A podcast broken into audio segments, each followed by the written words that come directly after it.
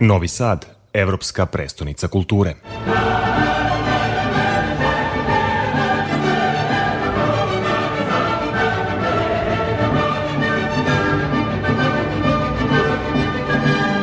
Ko su heroine srpskog i svetskog stvaralaštva koje programski luk heroine stavlja u fokus? Pre svega, programski luk heroine, e, kako mu samo ime i kaže, zamišljen je tako da promoviše žensko stvaralaštvo prevashodno kroz umetnost, odnosno kulturu, I kada je reč o nekim domaćim heroinama koje smo uzeli e, za eminentne primere e, ženske borbe, recimo za emancipaciju kroz našu istoriju, a, vodili su se prevashodno istorijskim razvojem. Stoga imamo jednu logičnu razvojnu liniju našeg grada iz ženske perspektive. A jedna od prvih jeste Marija Trandafil, koja je primer mecenstva i u okviru čijeg delovanja se između ostalog i neka građanska kultura razvila u našem gradu. A svakako druga jeste Mileva Marić Einstein, koja je onako donekle i kako da kažem, zaboravljena u nekom smislu, sem kao, jel da, žena Alberta Einsteina, te uh, pokušavamo da prispitamo uh, mesto žene u nauci i generalno da rasvetlimo Milevu Marić Einstein kroz neku drugu prizmu. Zatim imamo Milicu Studinović Srpkinju, koja je naša prva romantičarka, uh, odnosno poetesa i koja je na neki način zapravo u malom mestu u Fruškoj gori, odnosno u Vrdniku, imala i pratila evropske uticaje, impulse i samim tim bila neka predvodnica možda um, romantizma koja je inače nekako klasično muški ovaj pravac. A na kraju završamo sa Milicom Tomić, a, jednom od prvih feminiskinja, a, ženom urednicom magazina u to vreme i jednom od redkih žena koja je učestvovala recimo na glasanju za prisjedinjenje Vojvodine Srbiji.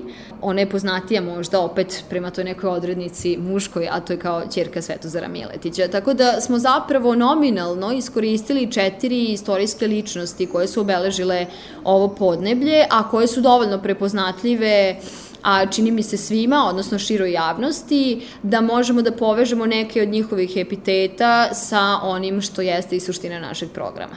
Programski luk heroine trajaće u Novom Sadu skoro mesec dana, bit će zaista pregršt programa. Da krenemo od jednog festivala koji će prvi put biti održan na Fruškoj gori u srcu nacionalnog parka. Tako je, to je e, festival Vila koji se e, po prvi put ove godine jel da, e, održava u Vrniku. I čini mi se da je to festival koji po svojoj prirodi predstavlja svojevrsnu formu koja je u Evropi dosta e, poznata i posećena, a kod nas nije toliko zastupljena, a to je ono kako bi se možda najtačnije nazvao format porodičnog festivala.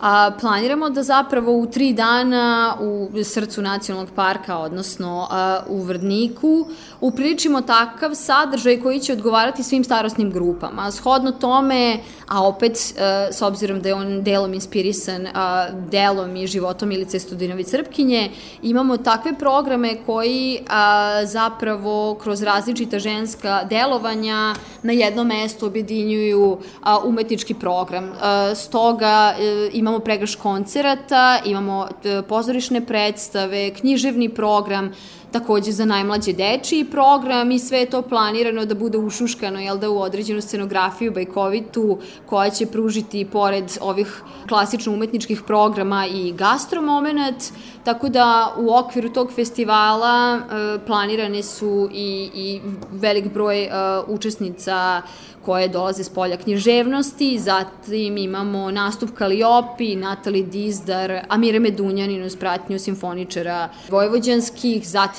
Tariju Turunen, Warpaint i pregršt uh, različitih uh, samo inicijativa koje će naći svoje mesto u programu, kao što recimo Rock Camp za devojčice koji se održava jel da već godinama. Tako da se trudimo upravo kroz ovaj format festivala da na neki sinergičan način u ta tri dana otvorimo prostor za različite sadržaje koji su komplementarni, a koji čini mi se imaju svoju publiku u svim starostnim dobima.